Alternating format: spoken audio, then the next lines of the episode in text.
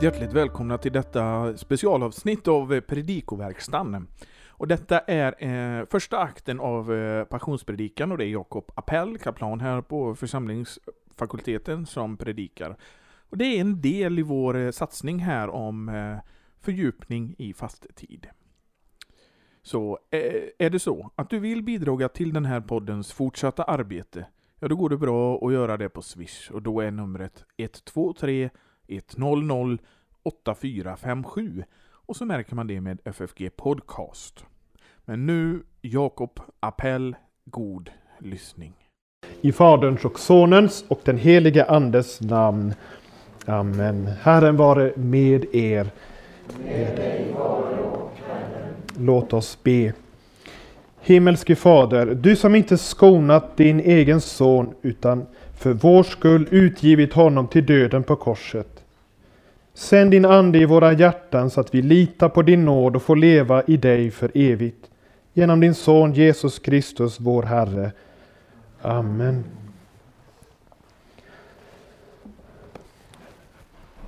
Hör Herrens ord ifrån Matteusevangeliet kapitel 26. Från vers 1, den första delen i Matteus skildring av Jesu lidandes historia. När Jesus hade avslutat hela detta tal sa han till sina lärjungar Ni vet att det om två dagar är påsk. Då ska Människosonen bli utlämnad till att korsfästas. Översteprästerna och folkets äldste samlades nu i översteprästen Kaifas palats. De planerade att gripa Jesus med list och döda honom, men de sa inte under högtiden så att det uppstår oro bland folket.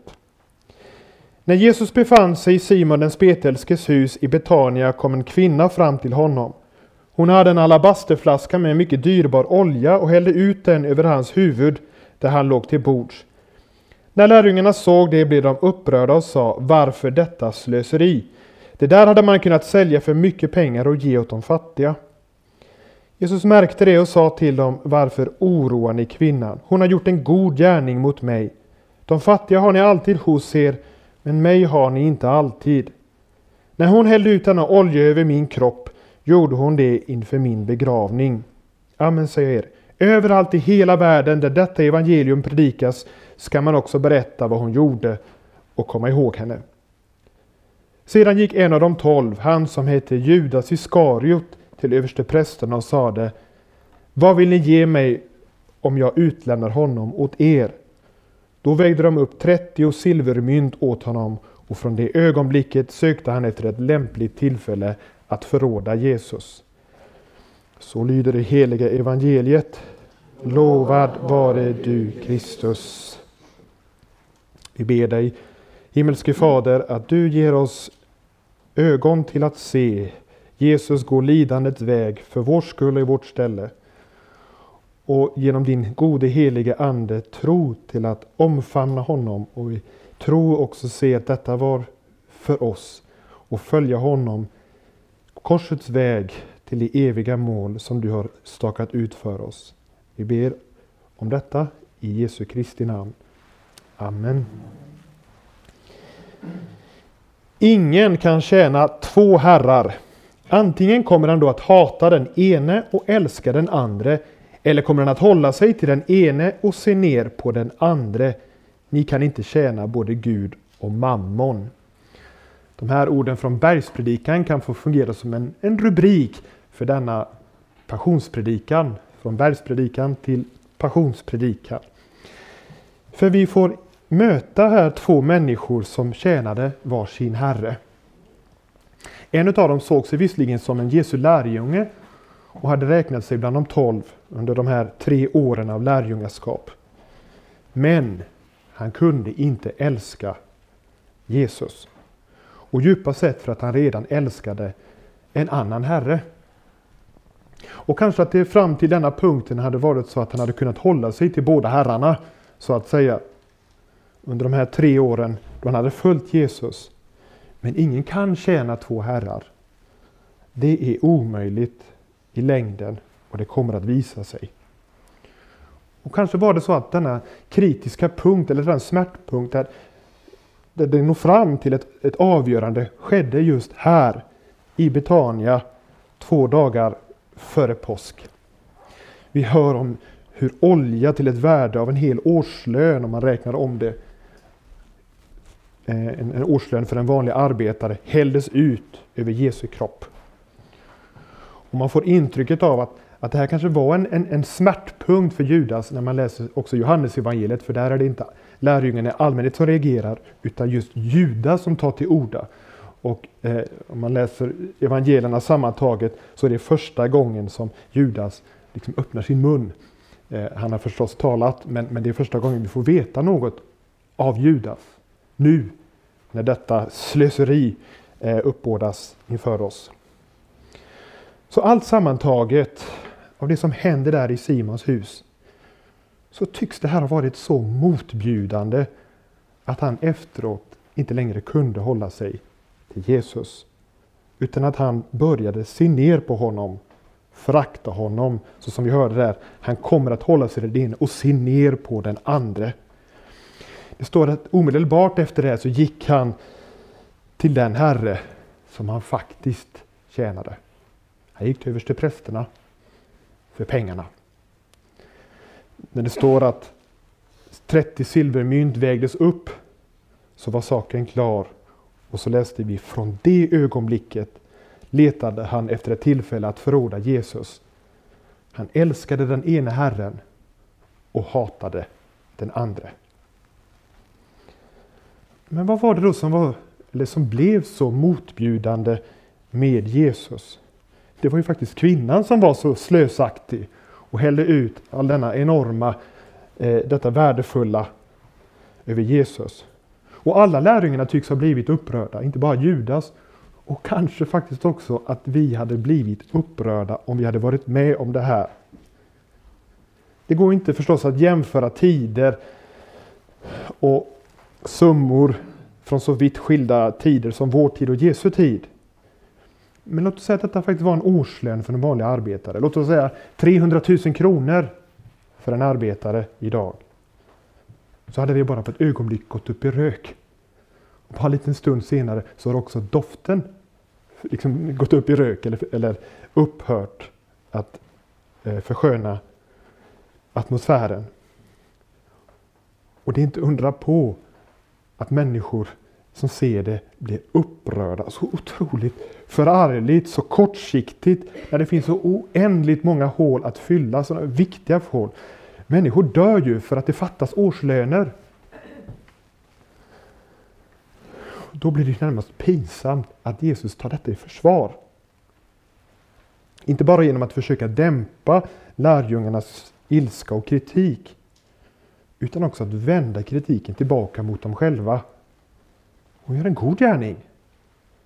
Ser ni inte det? Hur kan ni inte se det? Och som om det inte var pinsamt nog så förklarade Jesus att hon just hade smort honom för hans begravning. Så det är inte bara pinsamt, det är fullständigt obegripligt. Och Judas, han gick iväg. Kanske klarade han inte mer. Men det var inte så att han därifrån gick iväg helt planlöst till ingenstans. Utan han gick till sin Herre. Han gick till dem som hade pengar eller som, kunde, eh, eh, som skulle kunna bidra till det som han tjänade. Och det här visar oss två saker i all korthet. Har hjärtat en annan Herre än Jesus själv så kommer det att visa sig, det kommer att avslöjas förr eller senare. Men hjärtat är också bedrägligt. Det kommer att försvara sin Herre, den som egentligen är Herren. Med att peka på det orimliga med Jesus, Herren. Med det motbjudande. Peka på gränsen där man inte längre kan följa honom. Eller lyda honom. Att ställa sig under hans handlande. Om det är något han säger eller om det är något han gör. Det finns flera sådana exempel. När Jesus hade mättat 5000 människor med bröd och Jesus dagen efter började predika om sig själv som livets bröd. Och om sig själv, sitt kött och sitt blod som vi behöver äta. Så står det hur folkmassorna började ta anstöt av Jesus. Vem står ut med att höra på honom? Det här är ett hårt tal. Det här läser vi om Johannes 6. Då visade det sig att det var inte Jesus som var Herre. Utan det var maten. Det basala. Det som man liksom drivs utav för att leva, överleva. Och där läser vi att kvar blev till slut bara de tolv lärjungarna, faktiskt också Judas. Och Jesus undrade, vill också ni gå bort? Och så trädde Petrus fram och svarar för lärjungarnas räkning. Herre, till vem skulle vi gå? Ja, vi ser här hur de stora folkskarorna går sin väg, men vart går de då? De letar vidare, de kommer att leta tills de till slut ändå dör. Oj, ja vi har sett dig Herre. Vi har hört dig, ingen är som du. Och så lägger Petrus till, du har det eviga livets ord. Och det som vi nu har hört, det förstår vi nog inte. Vem kan förstå vad det betyder att äta ditt kött och dricka ditt blod? Som människor ända in i våra dagar har svårt att, att, att riktigt ta till sig. Men vi tror och förstår att du är Guds helige, sa Petrus. Och då räcker det. Då håller vi oss till dig, till ditt ord, även om vi inte förstår. Även om min känsla nu inte är så bra när jag ser 5000 människor just lämna dig.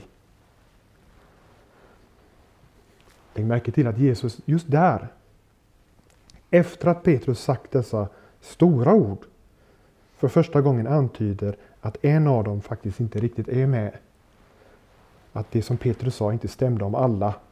Han sa här de här orden, dessa skarpord. Har jag inte själv valt ut er tolv och en av er är en djävul?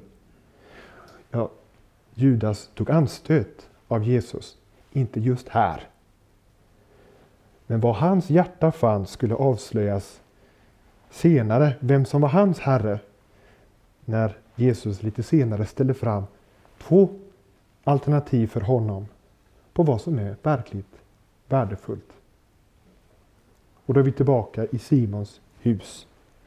Där Jesus försvarat kvinnan som hällt ut denna förmögenhet. Hon hade hällt ut det värdefullaste hon hade. Alltihop över Jesus. Och jag tror inte att hon tänkte på Jesu begravning. Det fanns ingen där som satt och tänkte att Jesus snart skulle dö, även om han hade sagt det. Men Jesus tänkte på sin begravning och talade om för dem, och han talade om för oss, att det värdefullaste av allt, det som får en alabasterflaska med olja att framstå som ingenting i jämförelse, är hans döda kropp. Det fullbordade försoningsverket för hela världens synd. Den kropp korsfäst, död, begraven, som bar också denna kvinnans skuld ända fram till Guds vredes utgjutelse på Golgata kors. Så att hon, denna kvinna, till kropp och själ skulle stå fri. Fri från sin skuld och fri från syndens lön som vi vet är döden. Och fri från det allra mörkaste av allt mörker, nämligen att vara utan Gud och utan hopp i den här världen och i den tillkommande. Så att detta med Jesu kropp, som hon just ödslat all sin förmögenhet på, det var hennes enda och faktiskt också vårt enda hopp. Eller som det står på August Strindbergs grav, Ave crux spes unica, vår, var hälsad kors, vårt enda hopp, där på det kors där din döda kropp hänger. Överallt i hela världen, sa Jesus, där detta evangelium blir predikat, så ska man också berätta vad hon gjorde och komma ihåg henne. För Jesus här i detta, i detta, i Simons hus, han såg hennes hjärta och såg att det är på helt rätt ställe. Det är fäst vid rätt plats eller vid rätt hopp. Och över detta hjärta, över hennes hjärta, var Jesus redo att vaka och skydda liten tynande veke som inte får slockna. Om det så får en annan lärjunge att ta anstöt och till slut förkasta och förråda Jesus. Ja, det här är en bild för hur Jesus faktiskt är. Det hjärta som söker sitt hopp och som söker sin tröst och söker sin tillflykt hos honom, det skyddar han ifrån allt. Inte bara från andra människors anklagelser, utan faktiskt också från hjärtats egna anklagelser. Guds dom som hänger där med rätta över det som hjärtat faktiskt bär inom sig. Som liksom får en att frukta och tveka och backa.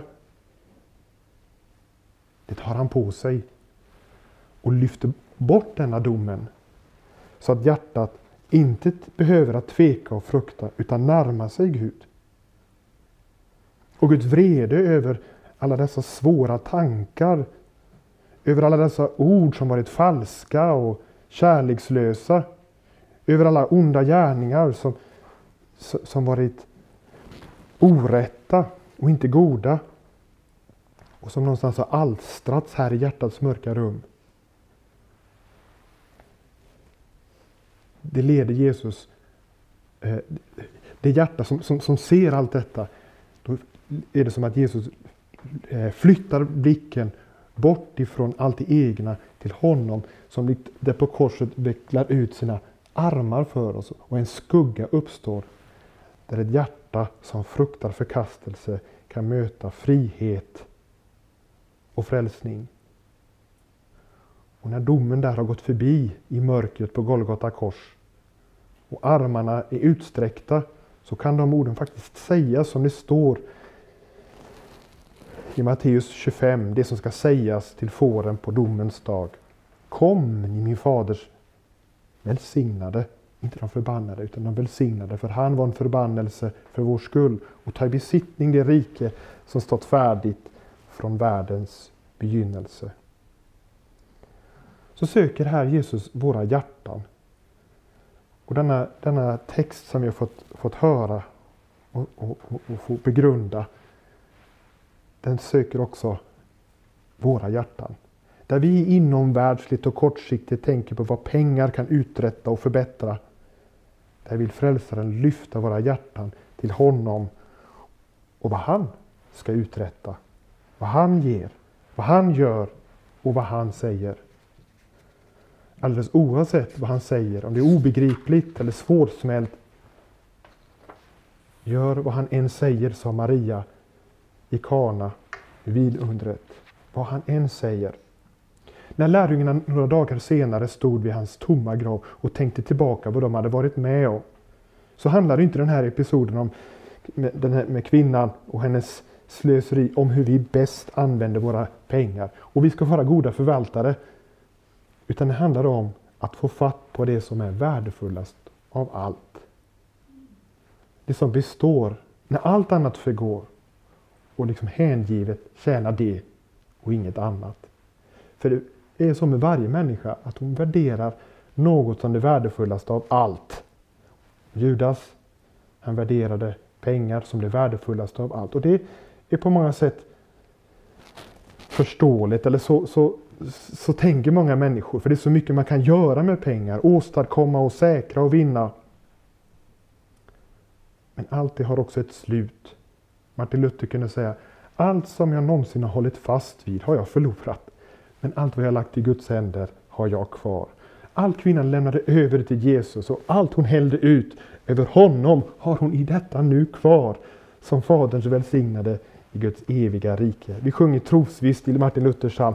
Ära alltid väl till mods, fast vi vågar gods och ära liv och allt, ske blott som Gud befallt, Guds rike vi behåller. Allt står inte och faller med vad vi äger eller inte äger. Och vad människor tänker om oss, om vår ära eller hur människor ska ära oss. Det hänger inte ens på vår egen överlevnad. Ära, liv och allt. Allt står och faller med Guds nåd och vänskap. Ske blott som Gud befallt. Ske Guds vilja, ske inte min vilja. Och Jesus har du fått också din försäkran om att Guds vilja är god. Det finns inte detta tvivel. att det faktiskt inte är så. Utan den är god för dig och den är god för alla. Jesus bad själv i ett semane om att Guds vilja skulle få ske framför hans vilja. Att få, få, få liksom låta denna bägare gå förbi. Och Guds vilja, det var inte att skona Jesus från hans lidande, från hans död och från mörkret på Golgata. Så vad var Guds vilja då? Jo, det var att skona någon annan. Att skona dig och mig, oss alla. Det ville Gud. Därför måste Guds vilja få ske. Ske blott som Gud befallt då. Guds vilja att skona från det som Jesus gick igenom och liksom ställa dig på andra sidan graven för att du skulle kunna titta tillbaka på hans döda kropp och se det värdefullaste av allt. Ditt liv, din salighet och kanske ska tilläggas, det var ju för att denna kropp uppstod från det döda som vi förstår att den döda kroppen är värd all det värdefullaste vi har. Nu har han gett dig mycket som är värdefullt. Pengar, familj, tid, kraft, hälsa och så mycket annat värdefullt. Vad ska du göra med allt det här då? Då är det bönen att be för varenda dag. Ske din vilja Fader. Så som i himlen, så också på jorden. Med pengarna, med tiden, med kraften, med familjen.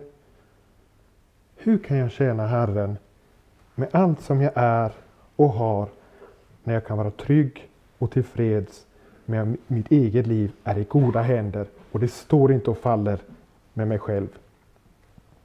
Och då hör vi de här orden. De fattiga har ni fortfarande kvar. Och då är det inte bara fattiga på pengar utan fattiga på allt. Människor har vi fortfarande ibland oss. Och vi har tiden kvar här på jorden. Det finns fortfarande människor att tjäna så som Gud i Kristus har tjänat oss alla. Och att tjäna som han har tjänat. Att älska så som Gud har älskat. Han som älskade så långt som det behövdes på korset. Och här finns människor att vara barmhärtig mot så som Gud är barmhärtig mot oss alla. Amen.